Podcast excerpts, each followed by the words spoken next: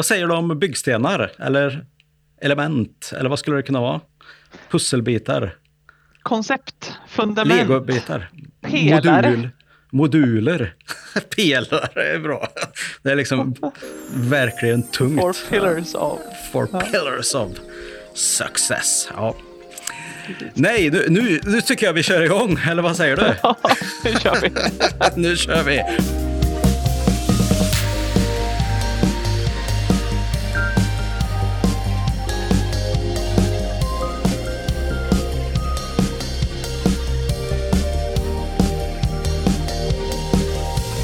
Lyssnare! Välkomna till BeDigital-podden! Lean Startup special. Och idag har jag en supergäst med mig här, nämligen Lean-Lina, eller vad skulle vi kunna säga? Vår Lean Startup-expert. Välkommen Lina! Tack så mycket. Hur känns det att vara med i BeDigital-podden? Alltså jag är väldigt taggad och äntligen få med i Digitalpodden. Jag har ju lyssnat på massa avsnitt och jag har aldrig blivit tillfrågad förrän nu. Så jag är väldigt nöjd. Nej, det är inte alla förunnat att bli det faktiskt. Så att, ja, du, du har jobbat dig fram till det här kan man säga. Ja, hårt och länge. Ja, men kul. Eh, kort bara, vem är du för lyssnarna här så de vet vad, vad du pysslar med annars? Jag heter Lina Svensberg och jag jobbar på Compare eh, tillsammans med dig då Stefan och jag är specialiserad på ja, Lean Startup bland annat och eh, framförallt interaktionen mellan innovativa bolag och offentlig sektor. Har lite startup och scale-up-resor bakom mig också i bagaget. Spännande. Och fokuset just för den här intervjun då eh, tänkte jag med dig, för jag, är, är otroligt eh, inspirerad av sättet som du använder dig av Lean Startup. Och vi ska förklara snart vad det är för någonting. Och, eh, för det, alla har inte riktigt koll på det här och inte jag heller så mycket innan, innan vi verkligen börjar jobba med det. Och det är otroligt effektivt att jobba med Lean Startup om man är en startup, men även för vanliga så att säga andra företag också. Så det tänkte vi att vi skulle djupa lite grann idag, eller hur? Yes om vi börjar då med grunderna här och så ska vi då gå in sen då till vad vi skulle kunna ha för fyra grundstenar eller fyra principer för lean som vi vill liksom ha med som kärnan i det. Vad skulle du säga Lina, är lean startup egentligen? Jag skulle säga att det är en metodik som handlar om att utforska och hitta en affärsmodell och undvika att lägga onödiga resurser på produkter som ingen vill ha. Hmm. Det är lean startup. Make sense på något sätt. Alltså, många pratar ju också om det här med agilt arbetssätt och, och lean. Och hur hänger de här sakerna ihop? Är det samma sak eller är det olika eh, delar just eh, eh, jobba agilt eller jobba utifrån lean-principer? Jo, alla de här olika eh, metodiken eller ramverken har, har någonting gemensamt och det är att man vill skapa en mer resurseffektiv produktion och utveckling. Man vill alltså inte göra saker i onödan, man vill inte slösa med resurser och man vill samtidigt skapa så mycket värde som möjligt med de resurserna som man har. Det är den gemensamma nämnaren.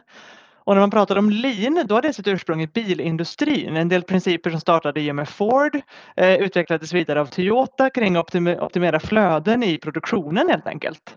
Så det är liksom en, en, en produktionsfilosofi. Eh, och de här tankarna eh, kommer också igen i mjukvaruutveckling och när man pratar om agil utveckling, alltså agil betyder ju snabbrörligt, men det man menar när man pratar om agil utveckling i, i IT-sammanhang det är eh, egentligen det som grund, grundades i det agila manifestet 2001. Och det var en reaktion mot stelbent planering och långa cykler som ofta ledde till att man inte utvecklade några vidare mjukvarusystem överhuvudtaget. För att det var inte förrän man lanserade saker med, med dunder och brak som man eh, eh, satte det i händerna på användarna första gången. Och då visade det sig att det inte kanske var så himla bra fastän det blev både långsamt och dyrt. Och grundpremissen där är att man tänker sig att istället ju mer vi utvecklar desto mer lär vi oss. Det är ju inte när vi planerar som vi vet så mycket som möjligt om det systemet vi ska bygga utan det lär vi oss ju längs vägen. Eh, och då måste vi också kunna ändra oss längs vägen, därav det här agila och snabbrörliga. Eh, och för att veta vad vi ska ändra oss till så måste vi få in feedback längs vägen. Och då måste vi kunna utveckla saker i små steg så att man kan få in feedback ofta. Så man kan göra de här snabba justeringarna längs vägen. Och det är det man menar när man pratar med agil, agil utveckling. Och det finns också ramverk som Scrum och Kanban som en del känner till som, som är olika sätt för hur man gör det här i mjukvaruutveckling framför allt. Ja, då börjar du komma in på det här just, hur hänger det ihop då med det vi kallar för startup-världen då? För det används ju det här begreppet nu då i form av lean startup jämfört med lean production då annars. Så hur, hur, hur hänger det här ihop? Jo precis, det här om man, om man översätter de här liksom slöseritankarna eller det här resurseffektiva till en startup-miljö och ett startup är ju, är ju, man kan säga att det handlar om att, att försöka utveckla tjänster och också hitta sin affärsmodell eh, medan man gör det. Och den största risken för, för slöseri i det sammanhanget är att man lägger en massa resurser på att utveckla någonting som sedan ingen köper. I mm. agil mjukvaruutveckling så handlar det om att lägga en massa resurser på sen, någonting som sen ingen använder för det är för dåligt. Men i Lean Startup så handlar det om att man vill undvika att, att ingen köper överhuvudtaget. Eh, och de här agila Eh, idéerna eh, som, ja, från det agila manifestet bland annat började liksom utvecklas vidare i en startup-miljö. Det kom en bok som hette Customer Development av Steve Blank som pratade om att man ska inte prata om produktutveckling utan kundutveckling för man ska hela tiden djupa i, i kunderna och utveckla efter deras behov och så vidare. Och de här principerna i Customer Development tillsammans med den agila utvecklingen eh, och agila manifestet det kombinerades eh, 2011 av en författare och serieentreprenör som heter Eric Rees och han kallade sin bok just Lean Startup. Och det här blev en metodik som nu har spritt sig över hela världen. Det här är, eh, det här är liksom en sorts manual för hur man driver upp ett, ett startup kan man säga. Och om man inte jobbar så här så skulle du säga att man blir väldigt oeffektiv då, eller? Alltså jag drev upp mitt första startup innan den här boken kom och det var, det var väldigt oeffektivt, det kan jag säga. Vi eh, eh, byggde och byggde och filosoferade och filosoferade och lanserade med dunder och eh, brak och sen tänkte vi oss nu ska vi sälja massor, men det gjorde vi ju inte kan man säga. Så jag, jag har liksom sett den andra sidan av det. Och då har du kommit in lite på det här med varför eh, Lean Startup är eh, så viktigt egentligen här. Men vad säger du mer? Vad är, vad är mer? Varför ska man jobba så här idag? Jo, men det, ofta när man pratar om startup så är det ju, det finns en skalbarhetsaspekt i det, i det, i det begreppet också. Alltså man brukar inte benämna en, liksom en, en frisersalong som en startup till exempel. Eh, medan man kanske en, en digital tjänst för att handla, hjälpa andra att handla mat, det kan vara en startup. Och, och när man kommer in i den här skalbarhetsaspekten, att man ska kunna leverera någonting till många, då finns det ofta en digital aspekt i, i affären. Och de här digitala tjänsterna de, de, kan kosta ganska mycket att utveckla. Och även om man då sedan man vill testa på användare och så vidare så, så kan det kosta ganska mycket att komma dit att man ens har någonting digitalt som är utvecklat och klart att, att testa. Och vid det laget om man då upptäcker att ingen vill ha det man har byggt så har man, red, så har man lagt en massa saker, eh, en massa resurser på att bygga någonting i onödan och Lean Startup är liksom en metodik för hur man kommer förbi den, den problematiken kan man säga. Spännande. Och då börjar vi komma in på den här praktiska delen. Och jag vet, du, du har ju utlovat här fyra byggstenar eller pusselbitar eller element eller kalla det vad vi vill. Men eh, så, så hur skulle du, vad skulle du vilja börja med? Vad är den första delen som, som är otroligt viktig här när man ska jobba med Lean Startup i praktiken? Det första tycker jag är det hypotesdrivna arbetssättet. Alltså någonstans så mm. börjar en, en, en idé eh, är ändå någon form av hypotes. Det, och det är där det börjar. Det börjar med att man har en hypotes eller ett antagande om att det finns ett problem eh, och hur, hur, det kan lösas och vem som kan tänka sig att betala för den, den lösningen. Och, ehm, istället för en affärsplan, så där som man ofta får lära sig på starta eget-kurser och annat, att man ska skriva affärsplaner, så, så pratar man i Lean Startup snarare om att man ska mappa upp de här hypoteserna. Förslagsvis på en Lean Canvas som är ett bra verktyg som är med verktyg med små fält med för problemet och kunderna, hur man ska mäta, hur ska man nå kunderna och så vidare. Och då kan man se vad är de viktigaste eller mest kritiska hypoteserna att börja och, och, och testa. Och så börjar man med det. Så det, det hypotesdrivna arbetssättet är liksom den, den första pusselbiten skulle jag vilja säga. Klockrent. Vad säger du, vad händer efter det då? Vad blir steg två? Steg två, jag måste fråga mig hur testar jag min hypotes på enklast möjliga sätt? Utan att jag ska bygga ett system som kostar flera miljoner eller tar flera år i anspråk så vill jag ju kunna testa min hypotes på enklast möjliga sätt. Och det är där man brukar prata om MVP, minimum viable products. Eh, och det där, det där är egentligen, tycker jag, steg två. Alltså första frågan är ju så här, måste jag bygga någon produkt överhuvudtaget? Vissa saker kan man ju testa betydligt enklare än så. Eh, MVP tycker jag nu, det har blivit en form av betydelseglidning. Alltså jag kan se, har sett offerter på flera miljoner för att bygga en MVP, men då har man ju liksom tagit sig ifrån den här ursprungsbetydelsen. Det vill säga hur kan jag testa min absolut mest riskabla hypotes på så enkelt sätt som möjligt? Och där finns det ett par exempel eh, som, som, som illustrerar detta ganska väl och det är ju Airbnb, en sajt som jag tror nästan alla känner till. Den, den byggde på premissen att det, hypotesen att folk skulle vara beredda att betala för att bo hemma hos någon de inte kände.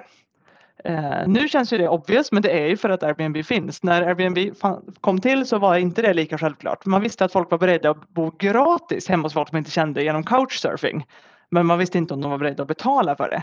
Och då var det två eh, stycken i San Francisco som visste att det var brist på hotellrum under techkonferenser och då tänkte de att techkonferensgäster, de är nog beredda att betala. Så då satte de upp en enkel annons, bilder på sina två luftmadrasser i sitt vardagsrum. Därav Airbnb kom från luftmadrass och eh, la ut den eh, annonsen. Fick eh, tre stycken som bodde över för under den här techkonferensen betalade 80 dollar var och därmed var den första allra mest riskabla hypotes, hypotesen bevisad. Ett annat fantastiskt exempel är Dropbox som jag tror ni alla känner till också. Eh, det var på den tiden så, så fanns det ett problem, det vill säga det var inte så lätt att dela filer med varandra. Eh, det här var ett tag sedan. Och då hade eh, teamet bakom Dropbox en idé att man, på en lösning på det, men de visste inte hur de skulle kunna förmedla den. För det fanns inte i folks begreppsvärld att det skulle kunna vara så enkelt. Och, och bygga det här systemet skulle kosta massor. Om det visade sig att folk inte var intresserade så skulle det vara eh, slöseri. Så då gjorde man en liten video där man illustrerade hur enkelt det skulle vara att droppa filer. Eh, in, inte en kodsnutt skriven, bara en video och eh, släppte den och över en natt så gick deras eh, väntelista på betatesting upp från 5000 till 75 000 användare och därmed hade de bevisat hypotesen att det finns en marknad där ute för den här produkten om man lyckas bygga den. Så det är två sätt och med väldigt enkla medel att testa sin hypotes. Ja, verkligen. Så vad du säger är att en MVP kan komma i många former egentligen här? Absolut, en MVP behöver inte ens vara digital överhuvudtaget. Om jag har en idé på att mina grannar vill ha en tjänst där de får hjälp med att, att, att handla mat, då kan min, min MVP vara att jag gör detta helt manuellt. Jag går till deras dörr, jag frågar vad de vill ha. Sen åker jag till ICA, handlar åt dem och levererar det till dem. Det är, om jag inte ens får det att funka så kanske jag inte får samma sak att funka digitalt heller. Så att säga. Så det, det måste inte ens byggas någonting, alltid. Det tror jag är väldigt bra att ha med sig, så inte man låser sig i att man faktiskt måste bygga någonting på något sätt. Sen finns det också väldigt enkla verktyg för att bygga MVP digitalt idag också, där man lite PowerPoint-aktigt egentligen kan dra och släppa saker. Eh, så, det finns verkligen en skala av möjligheter inom det här begreppet, så det kan vara bra att ha med sig.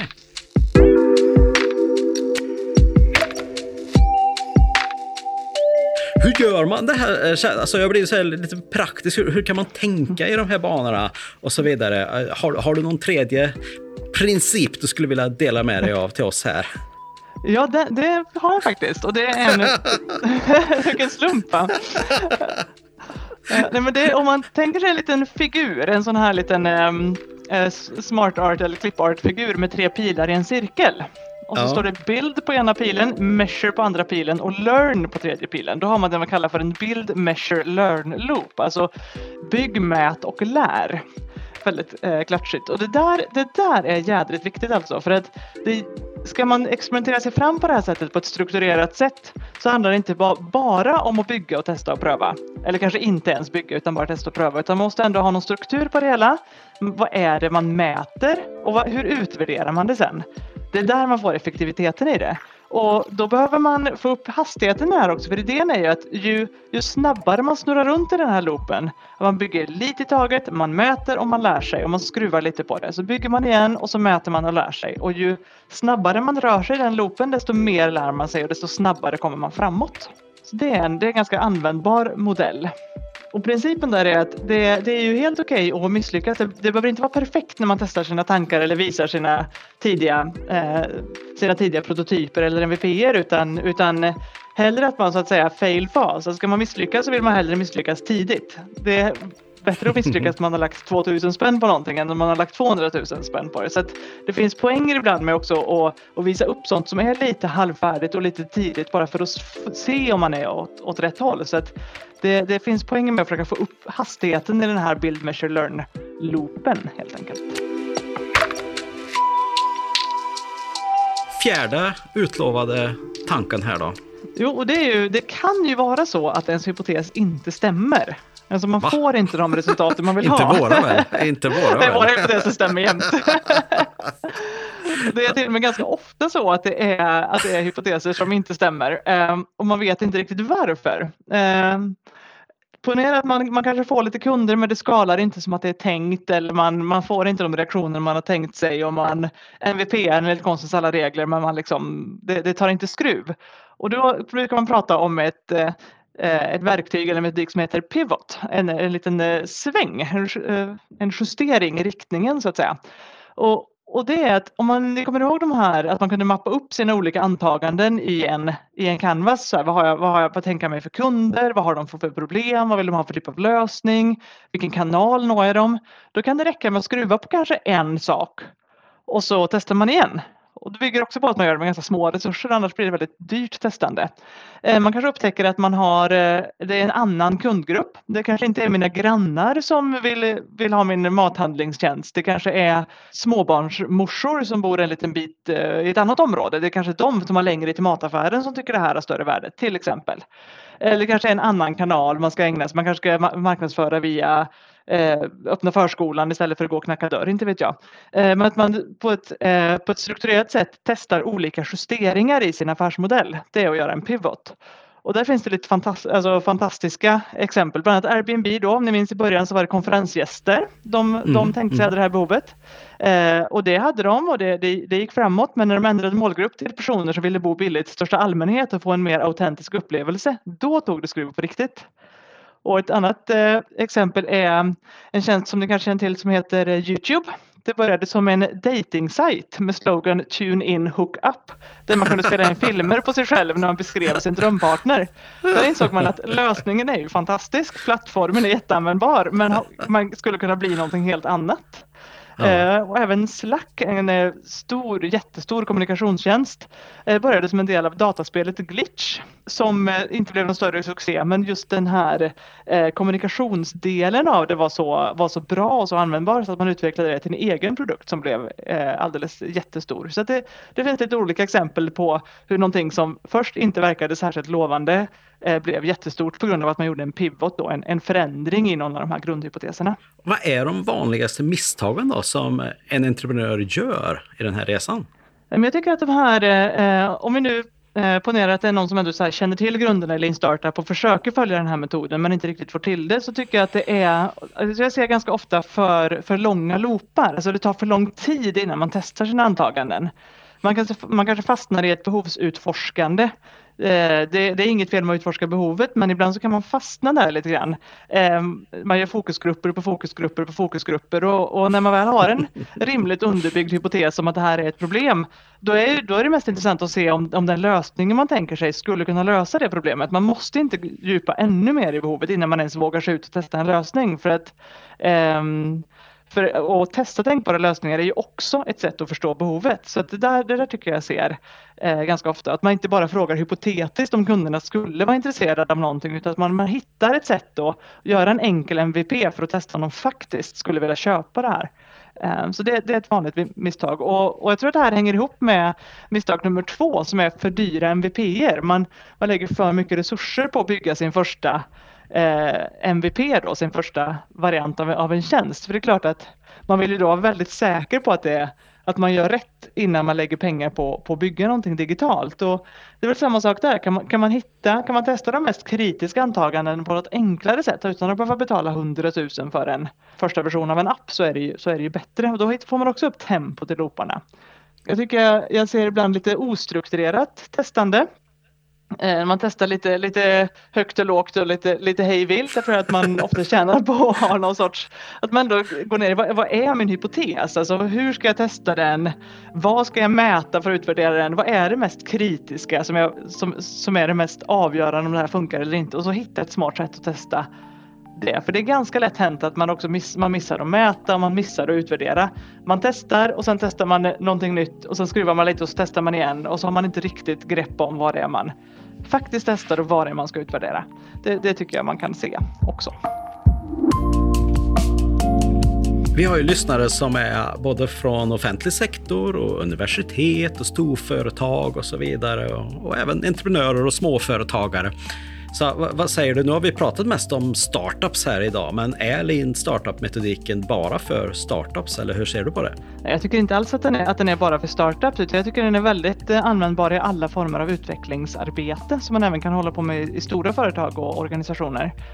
Um, och, och, det viktigaste här, jag tror om man, är, om man är en stor organisation, det är att man ändå tittar på sätt som man kan möjliggöra just den här testningen av hypoteser i liten skala och utvärdera längs vägen. Och, och det här är inte jättelätt när man har man kanske har långa projektbudgetar eller man har liksom olika utvecklingsprojekt och man har fasta roller och så vidare. Men, men och, och just våga testa hypoteser med, med enkla medel utan att man behöver göra ett, ett stort så att säga, utvecklingsprojekt av det direkt. Det, det, det tror jag är väldigt användbart för att det är det är mycket som kan hända när man vågar, när man testar grejer i verkligheten och saker kan ta en annan riktning. Och har man låst in sig för mycket i en tydlig plan, exakt vilka actions och arbetspaket som ska göras och vad de får kosta och så vidare, då är, då är det svårare att, att, att respondera på, dem, på den inputen som man får längs vägen. Alltså ärligt talat, fasen vad intressant det här var att få höra dig berätta på väldigt, väldigt kort tid här nu om grunderna i Lean Startup. Jag tänker att vi definitivt får gå in och kanske djupa vissa av de här delarna i kommande avsnitt. Vad säger du om det? det skulle vara roligt. Det här är ju ett av mina större intressen så att jag pratar gärna om det här igen. ja, men jag tänker på att, att ibland så kanske folk ser då ett företag som utvecklas väldigt, väldigt snabbt eh, och, och tycker att åh, vad bra de jobbar, vilken tur de har att de är så drivna och så vidare. Medan att det faktiskt finns en, en väldigt tydlig metodik bakom och en väldigt strukturerad process faktiskt då i det här, om än flexibel, eh, som man faktiskt kan lära sig, som vem som helst kan lära sig. Det tycker jag är jäkligt intressant. Ja, det där tycker jag är häftigt. Jag tror, tycker att det här, um, det är intressant också att du, att du nämner att det är en strukturerad process. För jag tycker att ibland strukturbegreppet är någonting som ofta man, man, man använder ofta betyder att man vill göra saker på samma sätt eh, flera gånger och att man, man använder struktur som någonting, eh, no, någonting beständigt och inte så flexibelt. Men att i en lean startup så, så pratar man snarare om att hitta en struktur som möjliggör det här agila arbetssättet och, och möjliggör liksom, kontrollerade experiment som det egentligen handlar om. Och en, och en struktur för att, för att testa och mäta och utvärdera det så att man hittar sin riktning enklare och eh, snabbare. Och vi ser ofta, vi har, jag har ju träffat väldigt, väldigt många eh, startups de senaste åren. Och de som har varit mest framgångsrika av de bolagen som jag har träffat eh, har varit väldigt duktiga på att arbeta enligt den här metodiken och de har också väldigt tydligt klart för sig vilk, vad det är de mäter. Och det där är ju, det där skulle jag kunna ha ett avsnitt om bara det. Men, men vad det är man mäter när man testar de här olika grejerna är jättespännande. Vad är, är det, handlar det om att de kunder jag har ska komma tillbaka? Är det det jag vill mäta? Eller är det hur många som loggar in varje vecka? Eller vad är det jag ska mäta som visar min framgång? Det där är jätte, jättespännande och ett stort område bara, bara i sig själv. Jag såg en lista på typ 20 olika sätt att mäta ditt företag på. Och det var en mm. massa som inte jag hade tänkt på att just det, det så skulle man faktiskt kunna mäta. Mm. Så det, det skulle vi verkligen kunna komma tillbaka till. Gärna. Wow, tack så mycket Lina för att du ville bidra med kunskaperna här om Lean Startup. Det får nog bli Lin, Lina. Och för den som, som undrar då så stavas det alltså L-E-A-N om du vill söka på Lean Startup. Då. Eh, vad, vad, har du för bästa resurssida att tipsa om, eh, Lina, om man vill fördjupa sig på egen hand? Google skulle jag nog säga. Oh. Den, den kan man testa. Där finns det mycket bra. ja, och då kommer de viktigaste resurserna upp först. Precis. Ja. ja. Good point. Tack för det. Då så. Hur, hur var det att vara med i Diktpodden, säger du? Ja, det var spännande. Det var en ära. ja, det var kul. Ja, jätteroligt. Ha det så bra nu så hörs vi snart igen. Tack så mycket. Ha det bra. Hej, hej.